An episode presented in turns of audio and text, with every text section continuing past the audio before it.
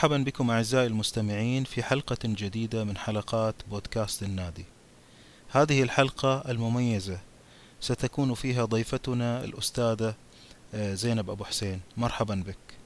أهلا أهلا بالجميع. آه، عنوان الحلقة اليوم راح يكون العلم والمنهج العلمي وعلم العوام. لكن قبل ما نبدأ خلينا في البداية ندردش عن معنى العلم. آه، لو جينا لتعريف العلم طبعا في شيء شائع عند الناس لما نقول علم إن هي مجرد حقائق علمية يعني سرعة الضوء كده يعني معلومات عامة يعني. فعليا العلم شيء أكبر هو خلينا نقول نظام. نظام نحاول فيه نفهم الطبيعة ونفهم نتعرف على الطبيعة ونحاول نوجد نموذج يقدر يفسر لنا هذه الطبيعة ويكون معتمد عليه جدا يعني.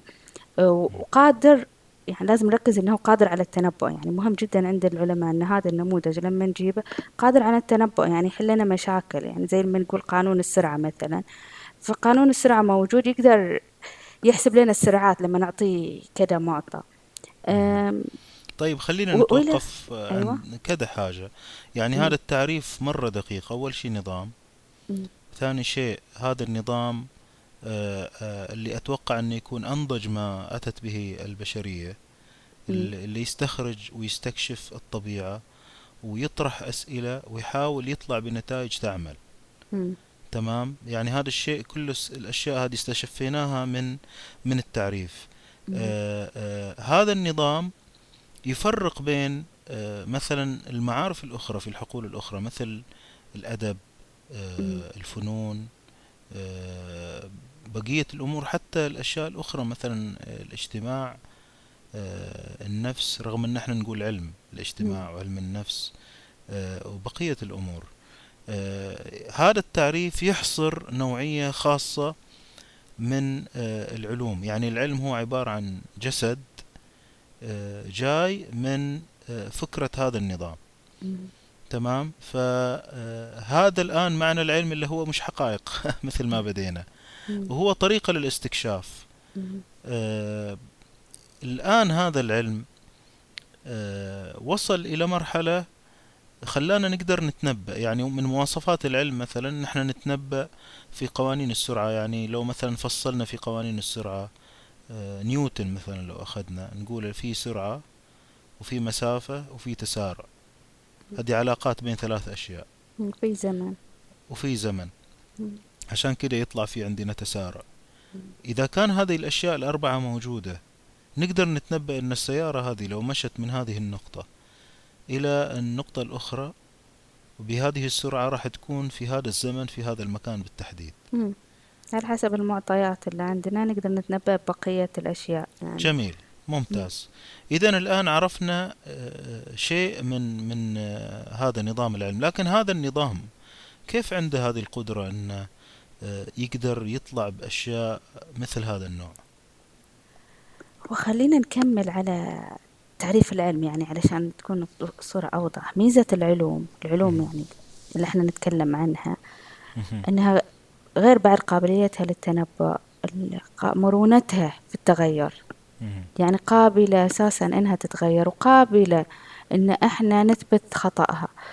غير كده يعني مثلا يعني مثلا ك إحنا نعرف إن طلعت النظرية النسبية والنظرية الكمية بس فعليا آه، وفي ناس قالوا انه خلاص بدلنا قوانين نيوتن بهذه القوانين. لا العلم مرن جدا بحيث إنه يعترف إن في مجالات ما نقدر نستخدم إلا قوانين نيوتن. وإلى الآن في معظم الحالات يعني لا في الطبيعة قوانين نيوتن هي الماشية. في حالات خاصة نستخدم القوانين الثانية يعني. العلم مرن جدا. حتى لما اكتشف قصور نيوتن في مجالات لا زال يستخدم نيوتن وهو معترف انها هي قاصرة. هذه ميزة ميزة المنهج العلمي أو العلم. يعني ممكن نتكلم الحين عن المنهج العلمي يعني طيب كأداء آه، خلينا نتوقف قبل المنهج العلمي عند نقطة العلم مرن. مرن معناها مثلا كل شوية يغير رأيه؟ أي هو مو كل شوية غير رأية. إحنا في خاصية للعلوم انها قابلة للتفنيد يعني نقدر نسميها يعني. آه. إن إحنا كيف نأسس اللي هي النظرية العلمية يعني أو أو المنهج العلمي بشكل عام. يعني في سؤال وبعدين نحد نبدأ اللي هي نطرح السؤال بشكل صحيح يعني. بعدين نجيب كل المعطيات ونكون الفرضية. بعدين نجرب هذه الفرضية تشتغل أو لا لحد ما نوصل إلى مستوى أنه يمكن الاعتماد عليها. بعدين نبدأ المساءلة. والمساءلة هذا هو هو أو النقد. النقد لهذه النظرية. وهذا الشيء هو المهم. النقد فيها حتى يعني إن نشوف قابلية إن هي ممكن تكون خطأ. في حالات تكون فيها خطأ. ونعترف إن في حالات تكون فيها خطأ. أما إن إحنا نرجع نصحح على هذه النظرية أو إن إحنا نتخلى عنها تماما وناخذ نظريات جديدة. هذه ميزة العلم اللي يخليه مرن ويخلي عندنا يعني كمنتجات يعني مخرجات لهذا لهذه العلوم يعني هذه الأشياء التقنية اللي في يدنا. لهذا السبب هي تطورت لأن العلم كان قابل ومرن جدا جدا للتغيير. وعادي يشغل أشياء في مجال في هذا المجال ويستغني عنها في مجال ثاني. طيب إحنا نقول آه آه. الآن هذه فكرة أن أن العلم في هذه الحالة يكون في فكرة متناقضة بين صرامة وسؤال والحقيقة العلم هو كله قائم على السؤال والشك مم. تمام اللي هذا راح يودينا إلى فكرة المنهج هو العلمي صرامة الشك مم. يعني هو في صرامة أكيد يعني إحنا نتكلم لازم نشتغل على منهج علمي بس هذا المنهج العلمي لازم يخضع للسؤال دائما مم. يعني الصرامة في إنه يقدر يتجاوز السؤال يعني. والمساءلة والنقد. طيب في ناس كثير فاهمة المنهج العلمي إنه آه، خطوات كده آه، تعبدية مقدسة واحد اثنين ثلاثة. ونتبعها ونقدر نحل جميع المشاكل ونوصل إلى نظريات. آه، إيش هو المنهج العلمي المفروض يعني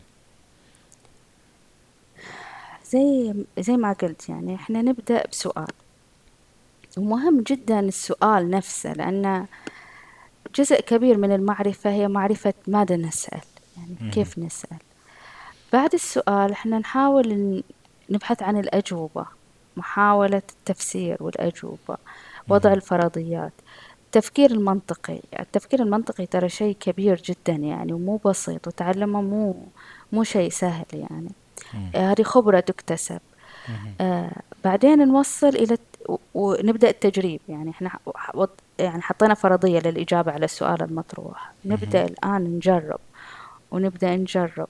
آم، لما نوصل إلى مرحلة إن خلاص هذه يعني شبه معتمدة يعني شبه إن إحنا نقدر نعتمد عليها آه، نبدأ ال... هذه المهم جدا. يعني نرجع أقول اللي هو التفنيد أو النقد. أو المساءلة.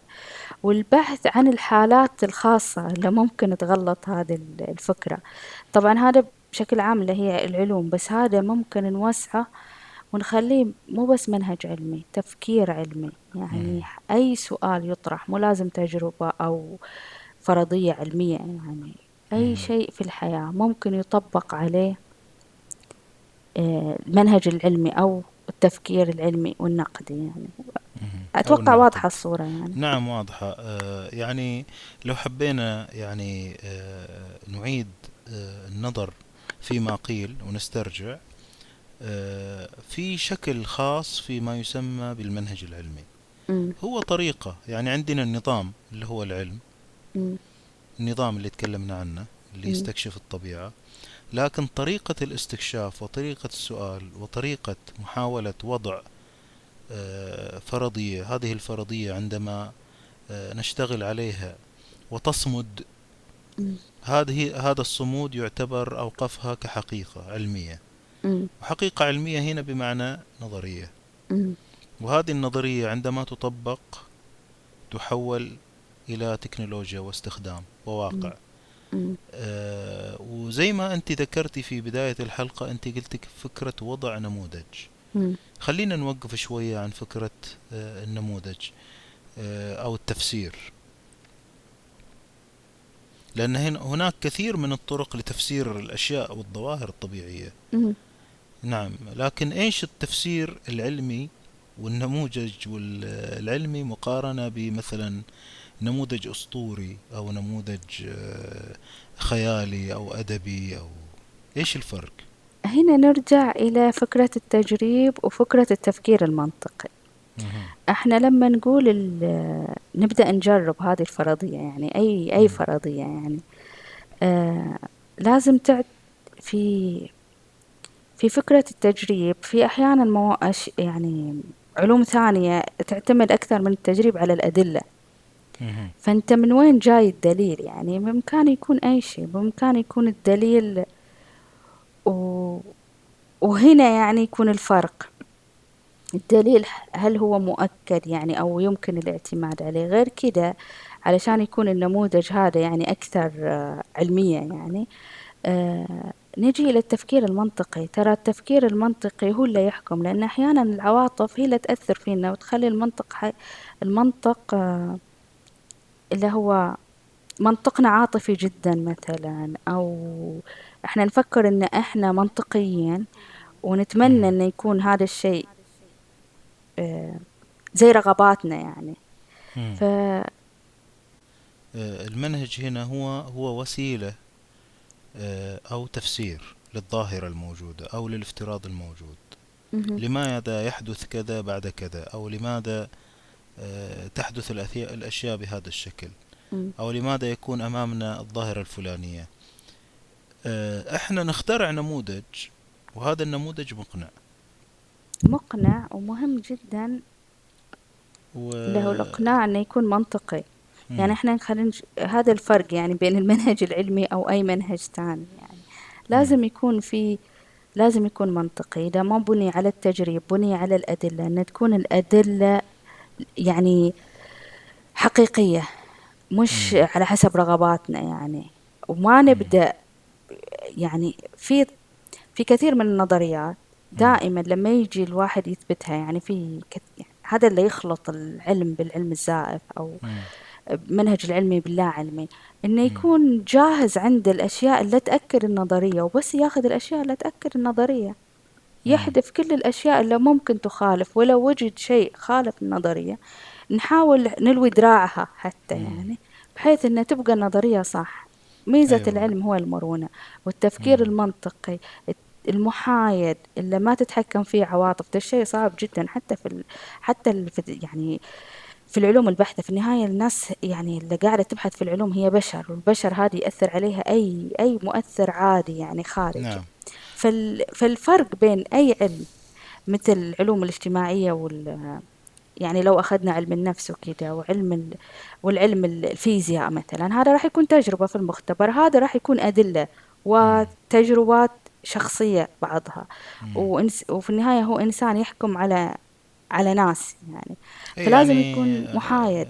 نعم جداً. يعني في المنهج العلمي كثيرا ما الناس تنظر له بشكل مبسط على أن خطوات مكونة مما ذكر آه، قبل م. قليل ولكن هو أبعد من ذلك يعني م. مثلا الميول العاطفية أو الميول إلى أن الواحد تكون الفكرة الفلانية صحيحة أو آثار آه، الشركة اللي دعمت البحث العلمي أو آثار الميل إلى شخص صاحب فكرة طرحها سابقا آه، هناك طرق كثيرة للتخلص من هذه المشاكل. يعني أنت ذكرتي المنطق مثلا. والمنطق ليس عبارة عن مقولات إذا كان كذا فإن كذا. هو مربوط بما ذكرتي اللي هو الخبرات والاستدلال والشك اللي ما نستطيع الخروج منه الشك الدائم. آه، الأسئلة الدائمة التي تحاول أن تهدم الفكرة حتى تصمد. تمام. وراح نتكلم عن التفنيد بعد شوية آه، اللي أشير إليه سابقا. آه، لكن هذا هو اللي يفرق بين أي مقولة ممكن أي واحد يقول مقولة الآن ويقول هذه صحيحة وصدقوني وخلاص. أو مقولات مثلا تدعم بشيء من القداسة أو بشيء من الشهرة أو شخص مهم قالها مثلا. أو تداول شهرة. آه وهنا في أشياء كثيرة يستعان فيها في, في الإقناع. آه والمنهج العلمي بعيد جدا عن الإقناع القولي والحجج واستخدام مثلا المغالطات المنطقية. آه نعم. آه لكن هنا الموضوع فيه تجريب وفي استدلال وفي برهنة على حقيقة هذه الفكرة. آه، يمكن واحدة من أقوى الأساليب هذه آه، وجود الاختبارات اللي فيها تعمية كأحد الأساليب. أو يكون في مثلا آه والله هذا اللي توصلت له اللي ما يصدق يجي يعمل نفس التجربة ويجي يجرب يسأل آه جميع الأسئلة الممكنة التي سئلت والتي لم تسأل. آه وفي واحدة من الخصائص اللي هي قابلية التفنيد. ودي نتوقف عندها يعني لما نقول مثلا إيش يعني قابلية التفنيد؟ إن معناها نجيب مقولات غير متعالية على إن إحنا نشوفها توقف ولا تطيح. تصمد أم تنكسر. هذه قابلية التفنيد من أقوى الأشياء اللي يتصف فيها المنهج العلمي والتفكير العلمي اللي كان أحد أكبر آه، مروجيها آه، اللي هو كارل بوبر. ممكن نتوقف عندها شوية زينب. هو هو في فكرة سائدة عند الناس إن النظرية العلمية المفروض ما ما تغلط يعني وإن في تعارض آه إن هذا الشيء يعني في في تناقض يعني تتكلم عن شيء علمي يعني مفروض والمفروض خلاص يعني غير قابل للخطأ. مع أن من قوة النظريات العلمية أن يكون فيها مجال للأخذ والعطاء أن في مجال للتطور أن في مجال حتى لتخ... ل... أن نخطيها. زي ما تكلمنا عن قوانين نيوتن. إحنا لما وسعنا الدائرة ودخلت اللي هي فيزياء الكم والفيزياء النسبية صار عندنا الفيزياء أوسع وأكبر يعني. آه طبعا في يمكن أطلع شوي برا الموضوع. في أشياء كثيرة انتشرت عن العلم بشكل يعني تشبه الخرافات يعني والخيال الثورة العلمية مثلا أو الثورة العلمية اللي صارت والعلوم الفيزياء يعني كيف تحول من فيزياء كلاسيكية إلى فيزياء حديثة ومع نظريات أينشتاين و يعني بعضها شوية خيالي يعني. العلم كان يعني كان يمشي بطريقة سلسة جدا و وهذا اللي صار شيء طبيعي يعني في تطور العلوم. يعني ما كان اللي هي ثورة علمية حتى ما كان إن العلم قاعد ينمو ويكبر يعني ك بشكل طبيعي. بشكل طبيعي بشكل طبيعي جدا. يعني هذه مجرد اللي هي مبالغات يعني. وهذه المشكلة لما ينتشر تنتشر الأفكار العلمية عند العامة وتوضع في الصحافة من قبل غير مختصين. آه وفي يعني تعرف في الفترة اللي طلعت فيها هذه أفكار يعني كان مهم جدا يعني عند الدول أن يكونوا متقدمين علميا يعني. فالدعايات الكبيرة هذه مهم جدا حتى سياسيا يعني. يعني مصدر قوة. مصدر قوة مصدر قوة جدا يعني. آه نرجع إلى قابلية التفنيد. آه كل النظريات العلمية استمرت لأنها كانت قابلة للتفنيد أو قابلة أنها تخطأ أو قابلة للنقد. التفنيد بمعناتها أن إحنا آه، نعرضها إلى الأسئلة اللي ممكن تبين مواطن الضعف فيها. إما أن نعدل عليها النظرية أو حتى نستغني عنها تماما وفي الطب هذا الشيء مهم جدا مفيد هذا اللي قاعد يطورنا في في العلوم الطبية جدا. يعني قابلية التفنيد شيء مهم جدا جدا. يعني ملاحظ جدا في العلوم الطبية. يمكن الباقي يعني الناس ما تقدر تربط الصورة بس اللي علمنا إن هذا الشيء ما ينفع والعلاج الثاني هو الأصح وإن هذا غلط هو اللي قاعد يطورنا طبيا. نعم. إي نعم صحيح. وهذا الشيء موجود في الفيزياء والأحياء وبقية العلوم الطبيعية ويمكن يعني تفاصيل قابلية التفنيد. تجرنا إلى موضوع أن أحيانا آه، تكون المقولة أو الفرضية. إحنا لما نفترض شيء إحنا نقول إن هذا الشيء للحظة خليه يكون صحيح خليه يكون يعمل يأتي بنتائج. ثم نجرب. آه نقول هذا الشيء يعمل بشكل عام ولا لازم نغير آه المجال اللي يعمل فيه. أو نصغر الدائرة دائرة الأثر أو مجال الأثر. أو نوسع شوية في في مجال الأثر أو مجال قابليته للعمل. إلين نوصل إلى مرحلة نقول والله هذا الشرط آه، آه، موجود وشغال في المجال هذا من هنا إلى هنا. أكثر من كذا ما نقدر نعرف. آه، ويمكن هذا الشيء دائما يذكر في فكرة فيزياء نيوتن وفيزياء الكم وفيزياء أينشتاين كشيء مبسط. نرجع إلى قوانين نيوتن وقوانين الكم والنسبية. أساسا حتى هو أنا ضد فصل العلوم يعني ضد جدا فصل العلوم لكن في في في حالات كثيرة مهم جدا أن إحنا نفصلها. يعني إحنا لما نتكلم عن فيزياء الكم ونتكلم عن الموجية هم المفروض شيء واحد. بس أحيانا علشان نسهل علينا هذا اللي يصير في العلوم. إن عندك كثير من المتغيرات. تطفي الأشياء اللي تسبب إزعاج بحيث تحصر المتغيرات في عدد محدود جدا. لهذا السبب تختار مثلا في حالة اللي هي الأجسام العادية الأحجام العادية. يعني مش المتناهية الصغر ولا المتناهية الكبر متناهية الصغر أتكلم عن الذرة ولا أصغر من الذرة. متناهية الكبر أتكلم عن يعني الأجرام السماوية يعني أو الأشياء الكبيرة جدا الحجم. في هذا المجال خلاص قوانين نيوتن هي الأصح. ما يحتاج نعقد الموضوع ونجيب متغيرات زيادة لأنها قادرة على التنبؤ وقادرة على أنها تحل المشاكل عندنا. لما نجي إلى الأجسام المتناهية الصغر هنا نبدأ نستخدم لأن راح يكون إحنا شغلنا متغيرات أكثر. فنحتاج نحسب بطريقة ثانية. فقوانين نيوتن راح تكون قاصرة جدا. لأن إحنا نتكلم عن سرعات متناهية يعني نتكلم عن أحجام عن يعني ما أبغى أدخل في التفاصيل عن فكرة الكتلة والطاقة و... فقوانين نيوتن ما تقدر يعني مو يعني راح يكون في خطأ إي راح راح يكون عندنا مجال خطأ كبير جدا يعني فتتوقف هنا. لكن إحنا ما نقدر نجيب معناها آه خلاص المفروض هي هذه القوانين يعني كعلميا يعني المفروض تكون شاملة على الكون كامل لكن لا هي بتجيب لنا إزعاج في, في الأجسام العادية فنستخدم. إحنا نتكلم عن حساب السرعات حساب الكتل حساب التسارع يعني.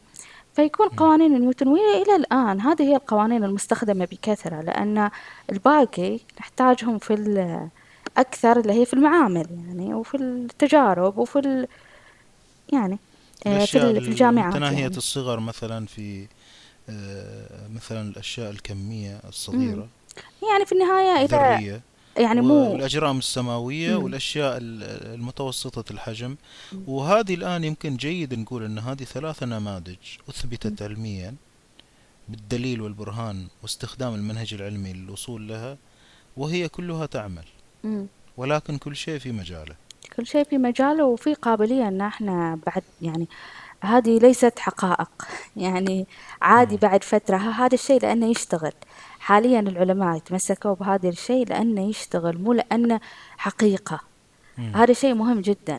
فقط لأنه يقدر اللي هي يقدر يحل لنا المشاكل يقدر يتنبأ يقدر يحسب.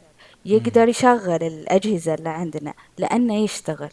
لو وجدوا العلماء طريقة تانية للحساب وطريقة تانية لتشغيل هذه الأشياء راح يتركوا الشيء الصعب ويروحوا للأسهل.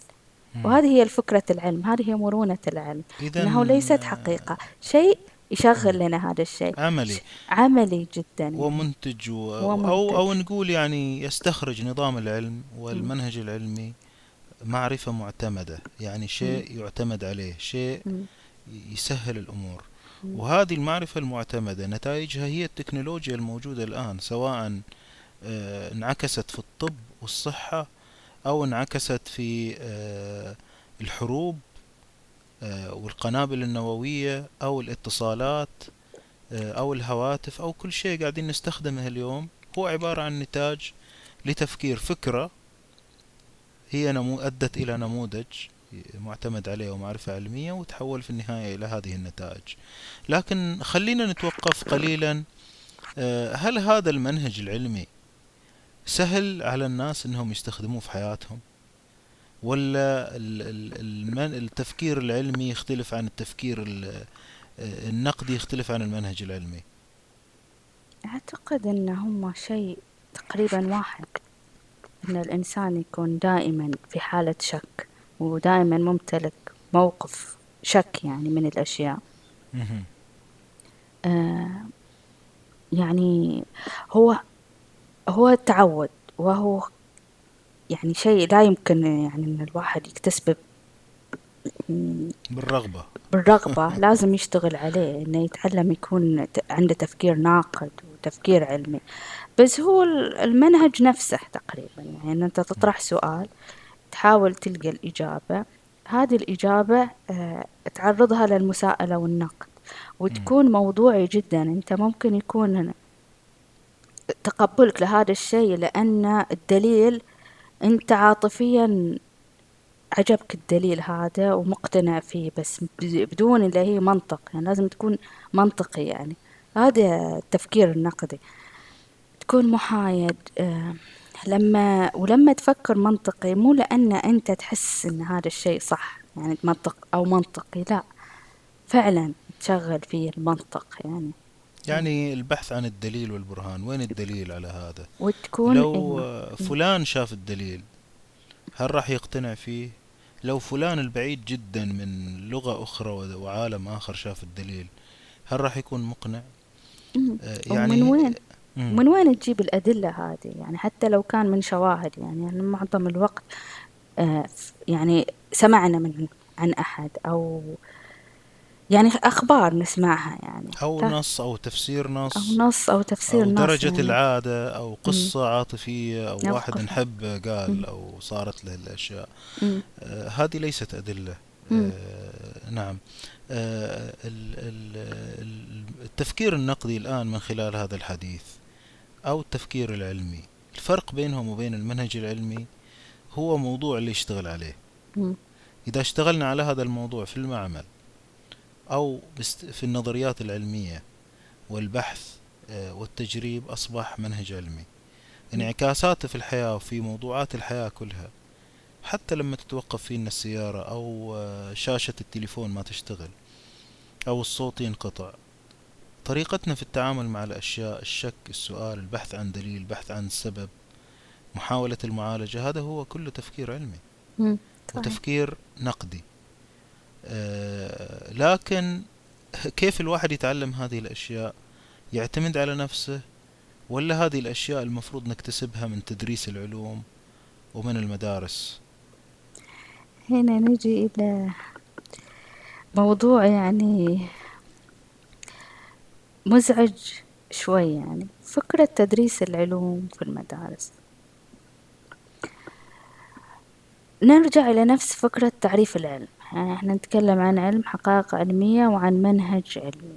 اللي يصير في المدارس لما نجي ندرس علوم ونفصل العلوم نفصل الفيزياء عن الكيمياء عن الأحياء عن ونيجي ندرس الطلاب كمعلومات ومسائل ومعادلات اللي هي معادلات كيميائية وكذا. هل إحنا فعليا نعلمهم فكرة العلم نفسه اللي هي المنهج العلمي العلم أكبر من من حتى فكرة نظرية اللي هي قانون السرعة وقانون أو يعني حفظ قوانين. هي منهج يعني هل فعليا إحنا في المدارس قاعدين نعلم الأطفال المنهج العلمي والتفكير العلمي؟ أو أو لا. يعني إحنا تخرجنا من هذه المدارس وتفاجأنا أن لما رحنا الجامعة أن اللي درسناه في المدارس شيء التطبيق العلمي في الجامعة شيء ثاني. العلوم نبدأ كأننا ندرسها من جديد في الجامعة لأن قاعدين ندرس طريقة تانية غير كده حتى لو كان في تجارب ويعني واجهتني هذه المشكلة يعني. آه. طبعا زينب تخصصها فيزياء. يعني واجهتني هذه المشكلة حتى في المعامل. يعني ممكن إحنا نكون عندنا في هذا المنهج تجربة الفلانية ونروح المعمل المفروض نعيد التجربة هذه اللي أثبت منها النظرية الفلانية أو الفرضية الفلانية. فمسبقا محدد أن المفروض نتائج هذه التجربة مثلا لو كان منحنى آه، آه، مثلا قاعد يصعد يعني إلى الأعلى أو ينحني أو خلاص يعني المفروض يطلع بهذه النتيجة. لو فرضا التجربة حتى لو كانت في وضع اللي هي مثالي ونموذجي في المختبر وصلت إلى نتائج مختلفة وهذا ممكن يعني لأن أي شيء ممكن يؤثر على نتائج التجربة. والعلم يعني المنهج العلمي يقول إنه ممكن إنه يكون في مجالات للخطأ لأي نظرية.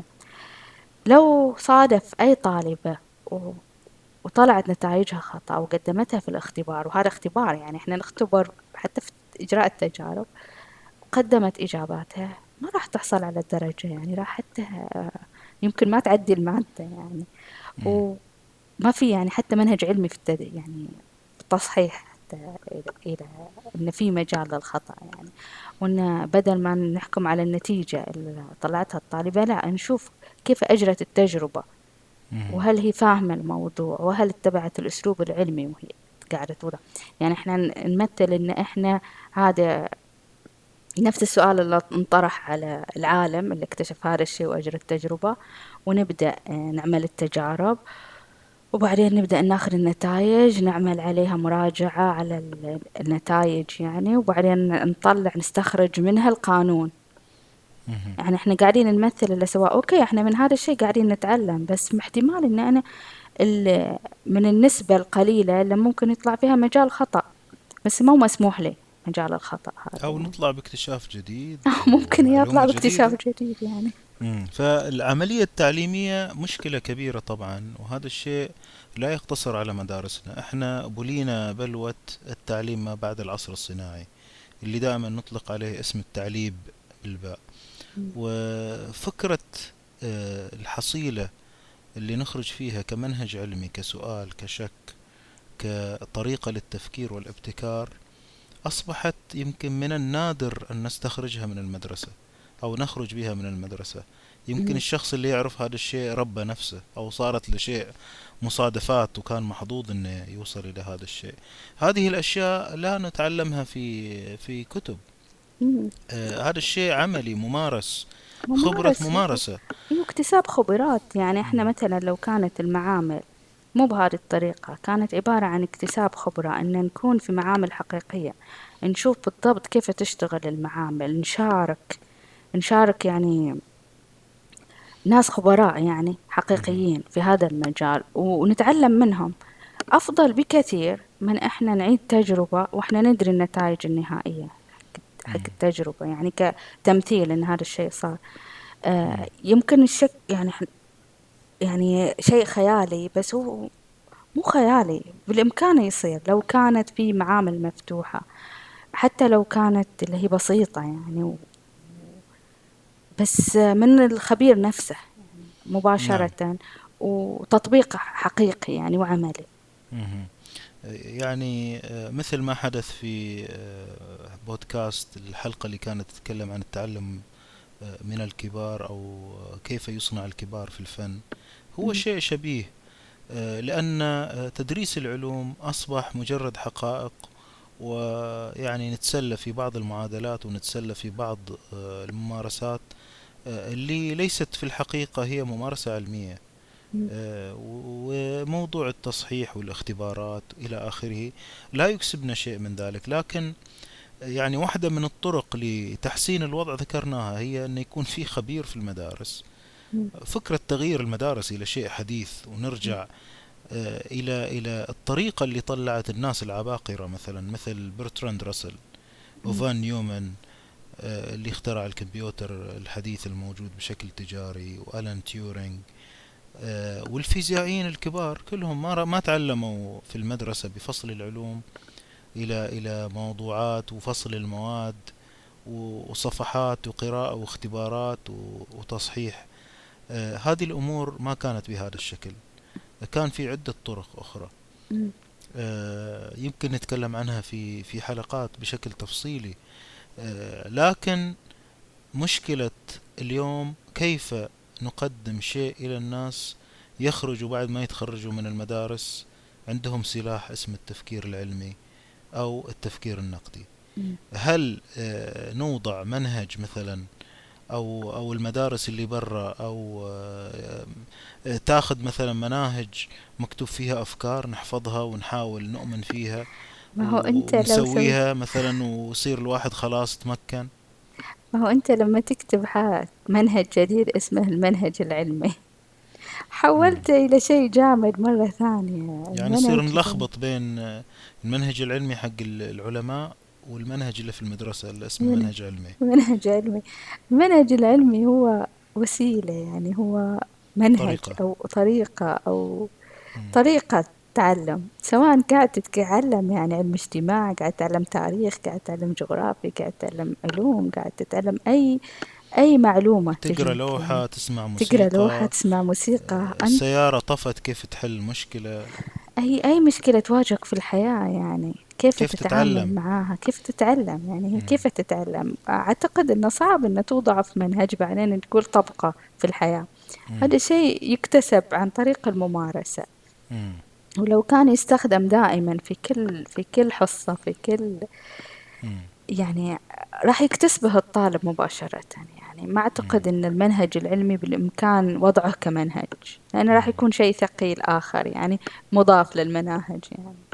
طيب إيش فكرة العلم العامة أو علوم العامة أو ال pop science نجي لموضوع ثاني بالعلوم للعامة إحنا قد ما قاعدين نتكلم عن العلوم والناس تحترم العلم لأن كل شيء وصلنا إلى حاليا هو نتاج لهذه العلوم. في رغبة لتصديق أي شيء يقال للناس.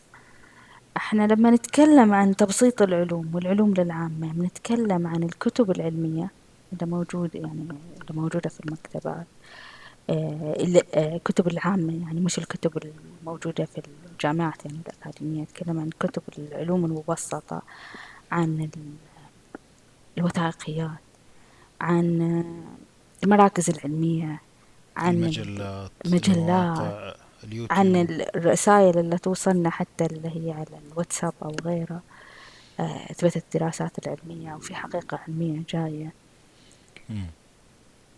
نبدأ بتبسيط العلوم.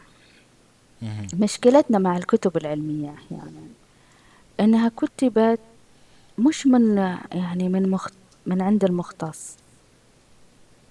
في نفس المجال تحديدا. هو فهم أشخاص حتى لو كانوا من نفس المجال. آه، فهمهم إلى هذا الشيء ومحاولة تبسيطه للناس. خسرنا أكثر من شيء علشان نوصله إلى العامة. يعني دائما في في رأيي أن العلوم صعبة. هي العلوم مو صعبة. صحيح أن هي المفروض تكون المختص هو اللي يتكلم فيها.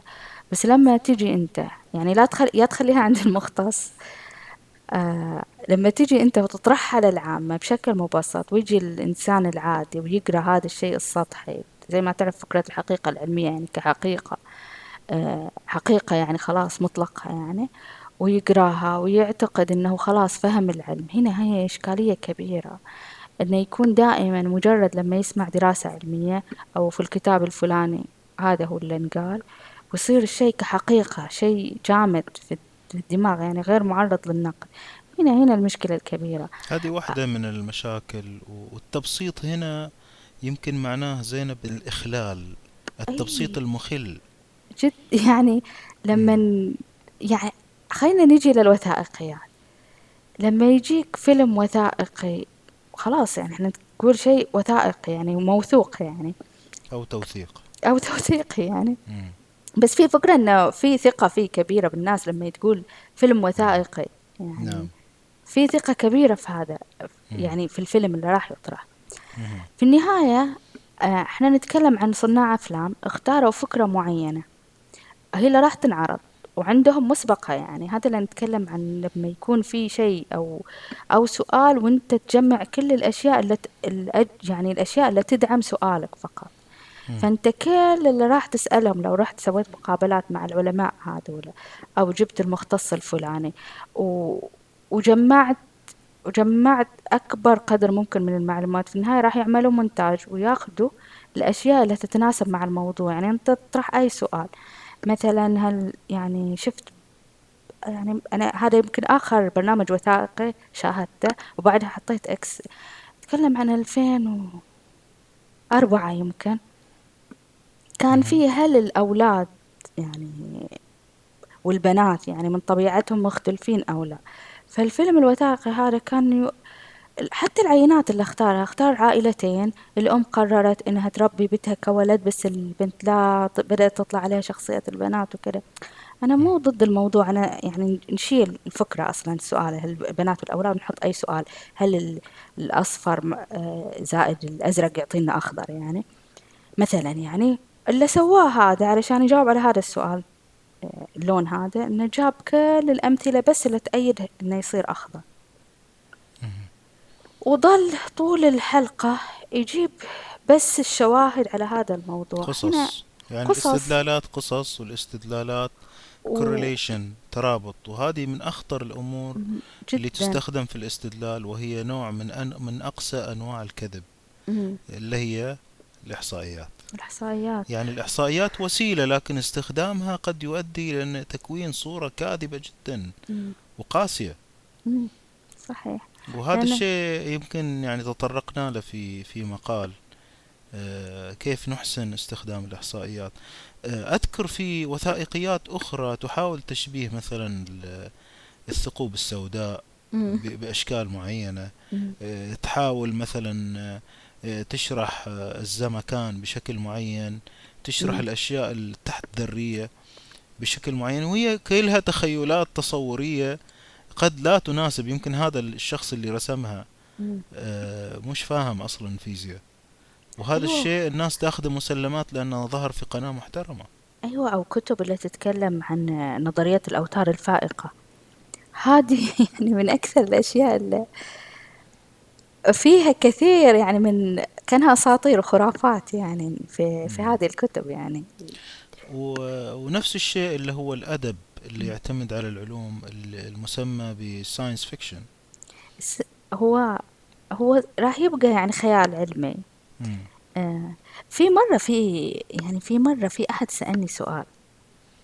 قال لي إن في واحد من الأفلام طبعا أنا ما أدري أي أي واحد من من الأفلام يعني الأمريكية إن في سنة كذا آه كانوا عرضوا الأبواب المتحركة اللي هي في في الفيلم مركبة فضاء وكان في الباب هذا اللي يفتح يعني اللي هي الموجودة الحين حاليا يعني في المجمعات في كل مكان يعني. فيقول لي أحيانا الأفلام الخيال العلمي تتنبأ وتعطي أفكار إلى العلماء علشان يعطونا اللي هي هذه الاختراعات والتكنولوجيا. قلت له شيء حاليا نفتقده. قلت له كانت العلوم ترى يعني العلم ترى آه، الأفكار النظرية اللي موجودة اللي يطلعوها العلماء. محتاجة إلى تتطور مع التقنية. أحيانا التقنية تتطور بشكل أبطأ من من, من العلم. يعني العلم موجود وجاهز بس باقي إن نوصل إلى المرحلة التقنية اللي إحنا نوصلها. احتمال إن هذه الفكرة موجودة. إحنا نتكلم عن زمن. أنت أنت تقول لي لما كان العالم والأديب والفنان والكل الجميع يعني مع بعض ينهضوا مجتمع واحد. مع مجتمع واحد. يعني ممكن إن هذا الساين العالم كان مع الأديب هذا وتكلموا في هذا الموضوع وموجود. يعني جزء من العلم الخيال. يعني السؤال الأول اللي يطرح في أي فرضية عبارة عن شيء خيالي وفرضية. لما يوصل إلى مرحلة التجريب وإنه بدأ يشتغل هنا يبدأ يكون نظرية. فهو ما تقدر تفصل الخيال العلمي عن ال... عن العلم. فإحنا ما نقدر نقول إنه هو ألهم ولا هذا ألهم. ممكن الاثنين. أنت كتبتي مرة مقال عن البطاريات وتكلمتي مرة عن الواي فاي وعن الشحن آه، عن بعد أو اللاسلكي وأشياء كثيرة. هذه كلها ذكرت حسب كلامك يعني أفكار كلها موجودة قبل القرن العشرين يمكن. قبل لأن اللي هي إيه. الشحن عن طريق أو الشحن اللاسلكي اللي الحين قاعد يصير موجود وأصبح تجارة وأصبح موجود تكنولوجيا في يد الجميع. وهذه كانت الفكرة موجودة من لما اخترعنا حتى الراديو. يعني من بداية اختراع الراديو لأن هي الموجات يعني الموجات سواء كانت مغناطيسية أو كهربائية إحنا نتكلم عن موجة. فتحويلها من هذا إلى هذا كان ممكن بس التقنية ما تمشي بنفس سرعة اللي هي النظرية العلمية يعني وزي ما قلنا. مو من مصلحة أيوة هذا بعد شيء. هذا شيء مهم. إنه يطلع الأشياء بسرعة. خلينا ناخذ سنين ون... ونبيع. لين لاحقين يعني الأفكار موجودة مستعجلين على إيش يعني. هي أكبر مثال السيارات يعني. ليش السيارات تطورت بهذه الطريقة يعني؟ في التليفونات إلى اليوم ولبكرة ما في شيء جديد والناس يعني تقدس وتحمد في في تليفونات ما فيها شيء جديد أكثر من أشياء بسيطة تقنيا. آه لكن فكرة تبسيط العلوم والإخلال وهذا الشيء موجود في الكتب موجود في المجلات موجود في المواقع في الوثائقيات حتى في الألعاب. و... وفي فكرة تسليع العلوم يعني إحنا نحاول حتى نتاجر بأشياء يعني يمكن من الأشياء المؤسفة جدا. استغلال فكرة العاطفة عند الآباء. يعني الأب مثلا والطفل صغير يروح محل الألعاب يقول والله هذه اللعبة شكلها ذكية وولدي ذكي أو بنتي خلينا نشتريها. الألعاب تصمم للآباء. الطفل راح يطالع فيها شوية ويرميها لأنها غير مقنعة وغير مؤثرة فيه ولا منها فائدة هذه الألعاب بشكل عام يعني دائما نعم. كده ملونة و... إيه خصوصا في المراحل الأولى للطفل. لكن نسحب هذا الموضوع برضو على استغلال العاطفة لجعل الآباء يقولوا والله إحنا أولادنا لازم مثلا نتابع جيراننا اللي راحوا ودوا أولادهم الكونسرفتوار أساس يتعلموا موسيقى ونسجلهم في المتاحف والمراكز العلمية ونشتري لهم ألعاب ذكية. لكن في الحقيقة الموضوع صعب جدا إن نقول إنه يكسب الناس فائدة علمية. وين الخلل؟ يعني لو أخذنا مثلا المتاحف والمراكز خليني أقول إيش الفرق بينهم؟ لاحظوا نناقش الخلل.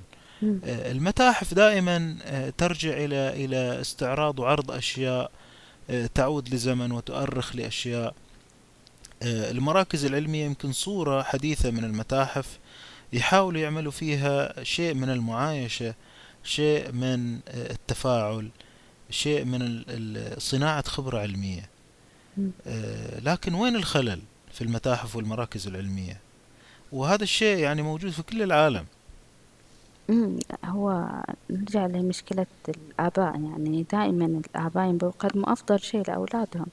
كل أب يطمح إن ولده يكون هو أينشتاين الجديد يعني. آه فك هذه المراكز العلمية. طبعا في أنواع وفي مستويات للمراكز العلمية. بنشيل المتاحف يعني إحنا نتكلم عن المراكز العلمية اللي يكون فيها يعني الطفل يقدر يجرب الأشياء. هنا نجي إلى التجربة. لما يكون مجرد ضغطة زر وبعدين يشوف الموجات اللي قاعدة تتكون في الماي مثلا أو أو شيء من هذا القبيل يعني آه، هل يستوعب الطفل؟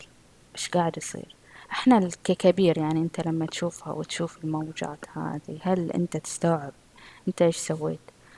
آه كيف يقدر يربطها أساسا الطفل بس بالعلم وهي لعبة بالضغط؟ وعلى حسب المرحلة العمرية يعني في معظم الأحوال يكونوا دائما الأطفال اللي يروحوا كلهم تحت 12 سنة بعد 12 سنة ما يكون جذاب أساسا للأطفال وهي أس... هذه المرحلة هي اللي ممكن يحدد ميوله العلمية يعني الطفل يكون يعني على بدأ يرفض يروح المركز العلمي لأنه يشبه يعني أقرب إلى الأطفال. هذه واحدة من الإشكاليات. يمكن في نكتة هنا نذكرها. أذكر في إحدى الكتب آه، كاتبة أمريكية تتكلم عن مشكلة العلم وفهم الناس وتقديرهم للعلم أو استخدامهم للعلم.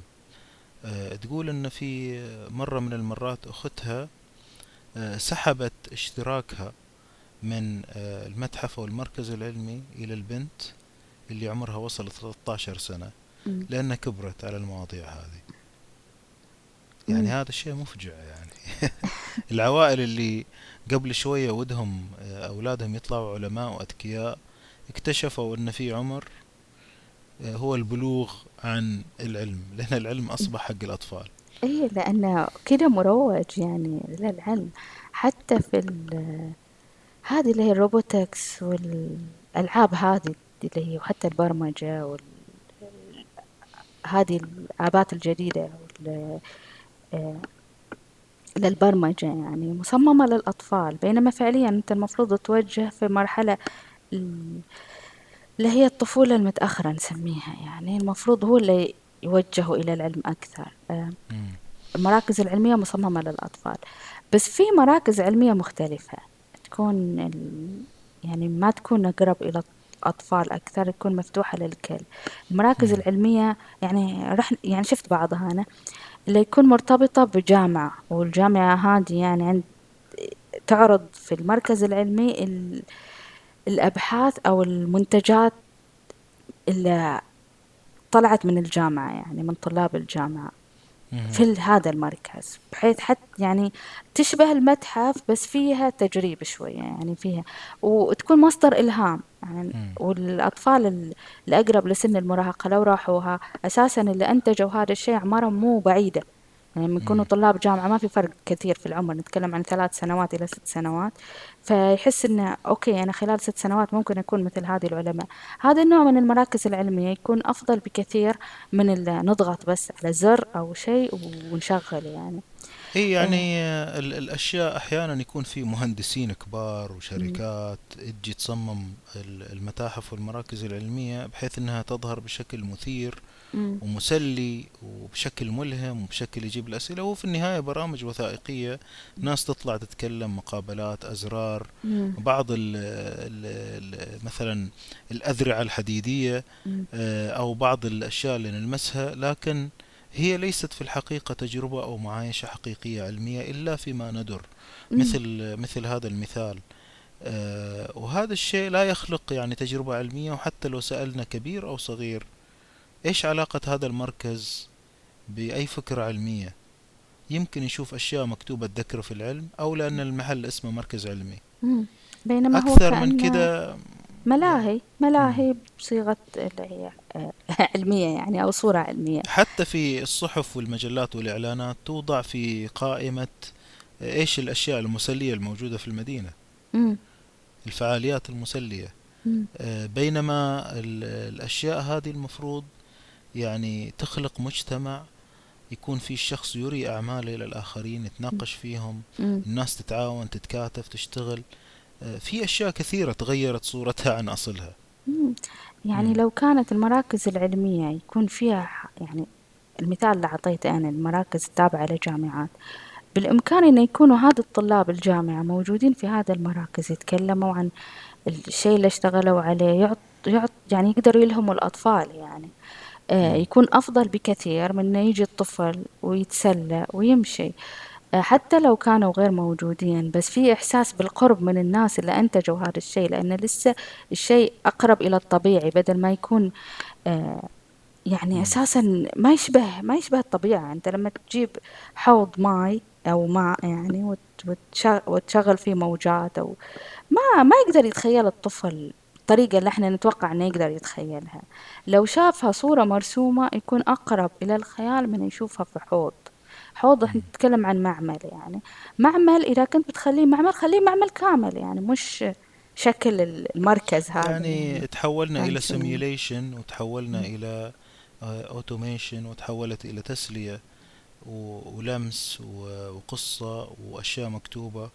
آه، يمكن هذا الشيء كلف الكثير لكن نتائجه يعني لا تصل إلى مقدار الطموح. آه ويمكن الآن يعني آه كثير من الناس بدأوا يفكروا في إعادة تعريف المراكز العلمية والمتاحف بشكل آه يعني نلاحظ أن في أكثر من مركز مهم في العالم. بدأ يعيد تعريف الأشياء وحتى عنده الشجاعة أن يغير الأشياء إلى شيء أكثر امتاعا وحتى يستخدم تكنولوجيا حديثة. أو يرجع لأبسط الأمور إلى أساسيات الأمور من وين جت الأفكار. آه ويمكن أثر هذا الشيء يكون أهم بكثير من الدراسة آه، التقليدية أو الكتب أو الأمور آه، الصورية يعني نقل القصص أو الكلام مثل العلماء. يعني نقعد نتحدث بلغة العلماء ولكن لا نكون مثل العلماء آه، فيما يتصرفون ويفكرون. آه، وهذا الشيء مهم جدا يمكن حتى ينعكس على حياتنا العادية. وفترة تسليع العلوم وانتشار الأشياء أدى إلى ظهور شيء يسمى أشباه العلوم أو العلم الزائف. خلينا نتوقف شوية هنا وهذا الشيء خطير. العلم الزائف وفكرة أثبتت الدراسات العلمية والأبحاث المرموقة قالت و... نتكلم عن تسليع العلم وبيع الوهم. آه لما يجيك برنامج يعني تخيل كده برنامج تلفزيوني جميع الأشخاص الموجودين فيه لابسين بدلات أطباء. ونبدأ أن أطباء يعني أنت خلاص يعني تعطيهم الثقة الكاملة وتسلم تسلم نفسك كامل. لأن هذا طبيب راح يتكلم عن المنتج الفلاني وش يقدر يخلينا يعني سوبرمان يعني. آه لما نستخدمه وفوائد كذا وكذا وال يعني شيء خطير جدا لما يطلع هو حتى لو كان طبيب. حتى حتى لو كان طبيب يعني إنه أنا أنا مو ضد إن الأطباء أو المختصين يتكلموا للعامة بس إحنا نتكلم عن مختصين معناتها نجيب كل مختص في مجاله فقط. لما يبدأ يتكلم عن كل شيء يعني هو طبيب ويتكلم عن كل شيء آه هنا خلاص فقدنا الاختصاص يعني أو التخصص. أنا ضد التخصص بس في أشياء لازم يكون المختص عشان يكون قمة المصداقية يعني لما يتكلم. حنتكلم عن بيع منتجات بيع منتجات أشياء كثيرة معروضة حاليا يعني وتباع باسم آه، رنان وعلمي وأن الدراسات أثبتت. هذه فكرة الدراسات العلمية يعني لازم نرجع لها آه، أثبتت الدراسات العلمية أن لو شربنا هذا الشيء لمدة هذه الفترة راح نحصل على النتيجة الفلانية وفي بيع وفي مواد هذه يعني الدراسات طبعا ما نعرف وين. عليها ألف لام تعريف. ما نعرف وين ولا مين سواها ولا أي عالم ولا إيش كان السؤال ولا إيش الأدلة. والأبحاث العلمية والجامعة المرموقة والمركز المرموق في الغرب. وكم نسبة الخطأ إيه. والأشياء الجانبية والآثار الجانبية اللي تطلع على هذا الشيء. هل العينة العدد اللي أجروا عليه التجربة كم عدد كم عدد الأشخاص في هذه العينة؟ في أي فترة أجريت؟ نوع العينة اللي, استخ... اللي استخدمت في, في البحث. يعني أشياء كثيرة مهم تعرفها قبل لا تقدر تصدق. يعني ممكن نقول إنه أوكي هذا المنتج للتخسيس مثلا. عملناه على خمسمية سيدة. منهم هذا السيدات بالضبط كم كان وزنهم قد وين نزل وزنهم؟ آه هل فعلا هو كان في فقط استخدام هذا المنتج آه، هو اللي خلاه ينزل وزنهم أو هي بلاسيبو يعني فكرة اللي هي الإنسان كان غريب يعني ممكن يصدق أي شيء بحيث إنه ممكن تكون النتيجة بس اللي هي إيمان داخلي إنه آه، ينزل وزن وممكن يكون نظام غذائي ورياضة كان داخل في الموضوع. وده الشيء شلناه لأنه مو لازم يطلع مع ال... يعني هي الدراسة يمكن كان فيها هذا الشيء.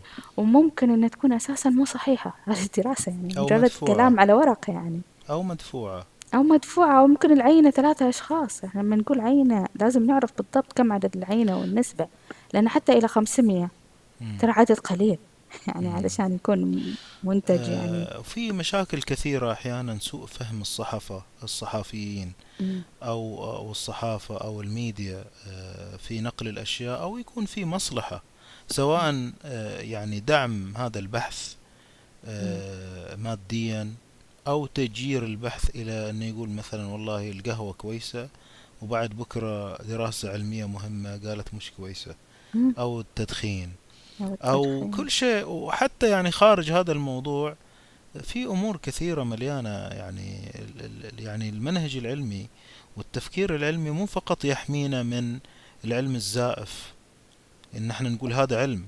في أشياء أخرى أعظم وأكبر من من مجال العلم وابعد عنه. هي الشعوذة وأشياء كثيرة هبات وموضات وادعاءات كثيرة جدا ممكن إحنا نصدقها بسهولة لو ما كان عندنا سلاح الشك والتفكير العلمي والبحث عن الدليل والبرهان.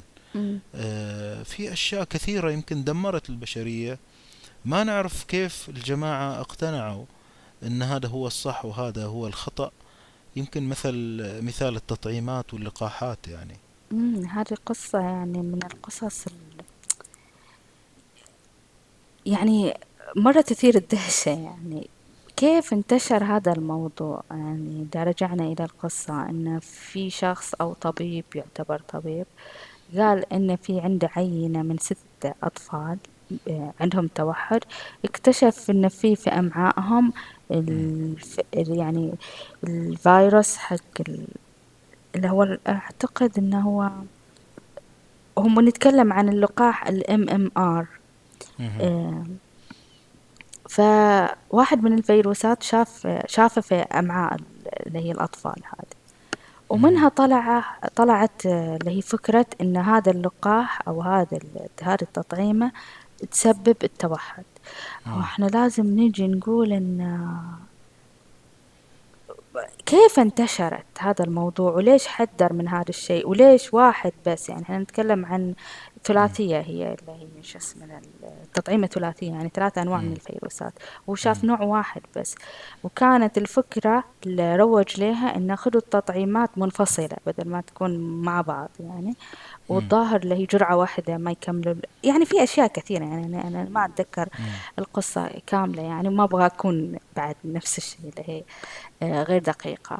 بس إنه انتشر إنه ربطوا بين هذا هذا هذا اللقاح ومرض التوحد. وصار عندنا إشكالية لأن في رجعت هذه الأمراض بدأت ترجع لأن في أهالي كثير رفضوا يطعموا أولادهم بسبب هذه القصة. غير أن في في أشخاص طلعوا في التلفزيون يعني يقولوا أن أول ما عطوا أولادهم هذا اللقاح بدأوا يلاحظوا فيهم اللي هي علامات التوحد. هنا الإشكالية أن المرحلة العمرية لتشخيص التوحد هي مقاربة للفترة اللي يعطى فيها التطعيم. فاحتمال إن الطفل يكون عنده توحد بس لسه ما اكتشف لأنه يطلع في يعني أنت ممكن ما تلاحظه والطفل آه يعني صغير جدا يعني. بعدين لما اللي هو يوصل لمرحلة الإدراك وتبدأ تلاحظ أعراض التوحد فيه. هي نفس الفترة اللي يعطى فيها هذا اللقاح يعني. ف هذا واحد من الموضوعات آه، بصراحة وربما يعني سمعنا العينة كانت ستة أشخاص. ستة. إيه، ستة. وهذه عملنا حفلة عالمية إلى اليوم. هذا العدد يعني يقدر يثبت إنه ما له علاقة. يعني لو أخذتها بطريقة عكسية لأن إحنا شفناها فقط في عدد هذا العدد القليل معناتها ما له علاقة. يعني ممكن ياخذ بطريقة ثانية بس هم أخذوه العكس لأنه هو الأصح. يعني أنت لما شفت فقط في ستة أطفال إذا احتمال كبير إنه ما له علاقة وليس يعني العكس. لا يكفي أن نستدل على آه، صحة هذه المقولة. آه، هذه مشكلة مثلا الآن أخذنا مثال في الطب لكن كثير من الأشياء آه، موجودة ومنتشرة. بعضها يتعلق بالفيتامينات بعضها يتعلق مثلا بالاتصال في الطيارة وتسبيب الخلل في أجهزة الطائرة. أو مثلا أفكار لها علاقة مثلا بانفجار الأجهزة وأثر الأشياء وعاد السرطان هذا حدث ولا حرج قصص السرطان وأفكار العسل وأفكار الطب الشعبي.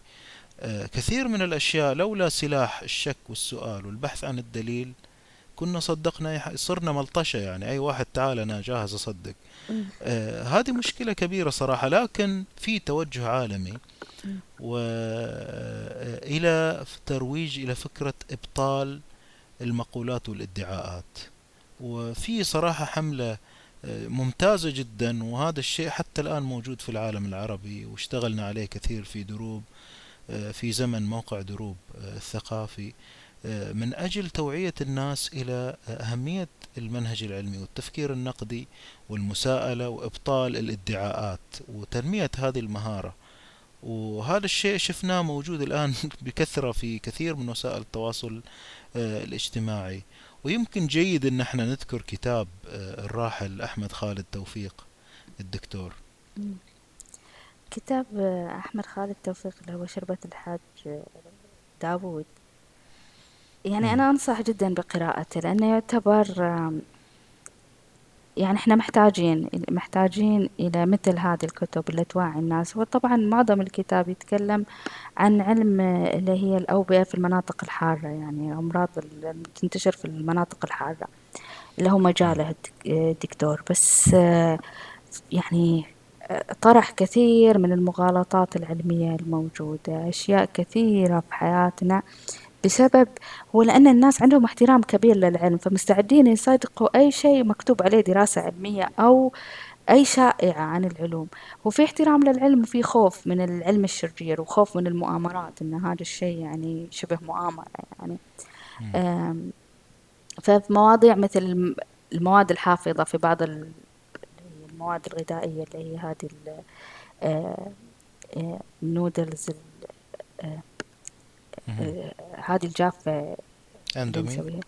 آه فإن فيها مادة حافظة وهذه المادة الحافظة مسرطنة طبعا هي ما تقتصر على هذه هذا المنتج فقط يعني في, في أكثر من في يعني معظم المنتجات الغذائية بس ارتبط باسم هذا المنتج وانتشر بكثرة بسبب شائعة طلعت في الإنترنت. طبعا هنا نجي للإنترنت والإنترنت هو أكبر مكان لانتشار الشائعات ويكفي فقط أن أنت تنشر هذه الشائعة وتصدقها الناس من أن أنت تكتب أثبتت الدراسات العلمية. وهنا نجي إيش يعني دراسات علمية؟ وإيش يعني أثبتت أو انتبهوا يا جماعة في سر خطير والجماعة كلهم يتكلموا فيه. كلهم يتكلموا ما أدري كيف سر. آه والإنترنت زي ما قلنا هو مزبلة يعني. واحدة من المهارات اللي لازم كل شخص موجود يتعلمها هو البحث في المزبلة عن الجيد. لأن المزبلة قاعدة تسقط علينا من من كل صوب. ولازم نتدرب نخرج منها يعني ونعيش. يعني كلامك أنت فاضل شوية قاسي بس في يعني صراحة حقيقة يعني يعني هذه حقيقة موجودة يعني. شيوع التافه هذا الشيء مدمر. شيوع لازم التافه. الواحد يبحث عن غير التافه بصراحة يعني. وسهل انتشار أي شائعة في في الإنترنت. يعني الإنترنت يعني خلاص لأنه في أي مكان يعني أنت الجهاز عندك في أي مكان ممكن يوصلك أي خبر. وطبعا مين اللي يكتب الإنترنت؟ يعني سابقا الإنترنت كان يكتبوا فيها الناس اللي متعلمة اللي تفهم العلماء. هنا نيجي آه للمختص. مختص وال إيه الآن أصبح في يد الجميع. أي واحد يقدر يفتح الكاميرا ويتكلم يعني ويكتب وينشر ويعمل فورورد ويعمل آه مشاركة للأشياء. غير أسهل ما يمكن. أيوة وحتى اللي هي الإحصائيات الآن. يعني منتشر بكثرة أن مطلوب أبحاث في الجامعات وهنا نرجع إلى أسلوب التعليم عندنا. مطلوب من الطلاب في الجامعة أنه يعمل إحصائيات أي نوع من الإحصائيات. يعني فيجيك آه، يطلب منك أن أنت تعبي النموذج الفلاني. وتنتشر هذه الإحصائيات. وهي ما يعني مجرد شيء اختاره هذا الطالب يرتبط بهذا الشيء. يعني طريقة الوصول للنتائج في البحث كان عامل إحصائية على برنامج مجاني. أيوة. مثلا. ومثلا الأشياء المضحكة أن مثلا يكون البحث هل هذه المادة مسرطنة أم لا؟ بدل ما يروح يشوفها ويشوف العلاقة الحقيقية والدليل الحقيقي على السرطنة يروح يسأل الناس إيش رأيكم يا جماعة مسرطنة ولا لا؟ إذا طلع التصويت الغالبية مسرطن أصبح حقيقة علمية. فيعني أي ضياع إحنا موجودين فيه.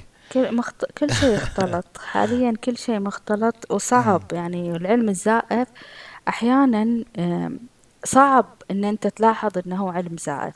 يعني مغلف بشكل انه خصوصا إن العلم يؤخذ كأنه حقائق. يعني ما نقول إنه أوكي يمكن هذه الفكرة حاليا يمكن تشتغل بس بعد بكرة ما تشتغل.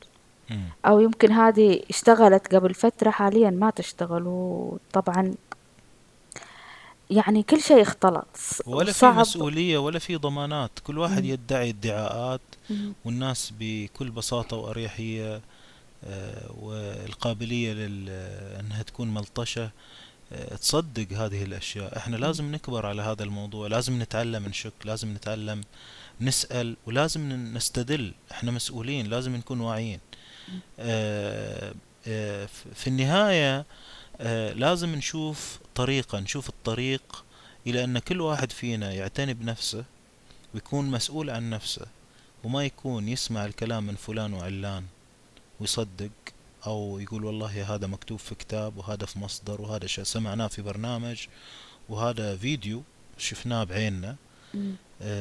الطريق أن الواحد يبدأ يؤسس إلى آه، تنمية عضلة السؤال والشك والاستدلال والبرهنة.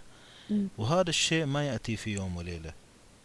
يعني لازم نشتغل على هذا الشيء. صحيح. ونقدر نشتغل هاد على هذا الشيء مع أولادنا. ننمي فيهم حب السؤال والشك. يعني ما تاخذ أي معلومة قبل لا تفندها وتسأل وتع... وتشوف هل هي منطقية أو لا.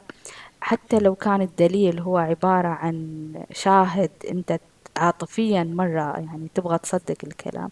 لا تطرح للمساءلة. خصوصا إحنا في مرحلة آه، الطفل مجرد ما يجي عنده أي سؤال يروح الإنترنت ويبحث عن هذا السؤال.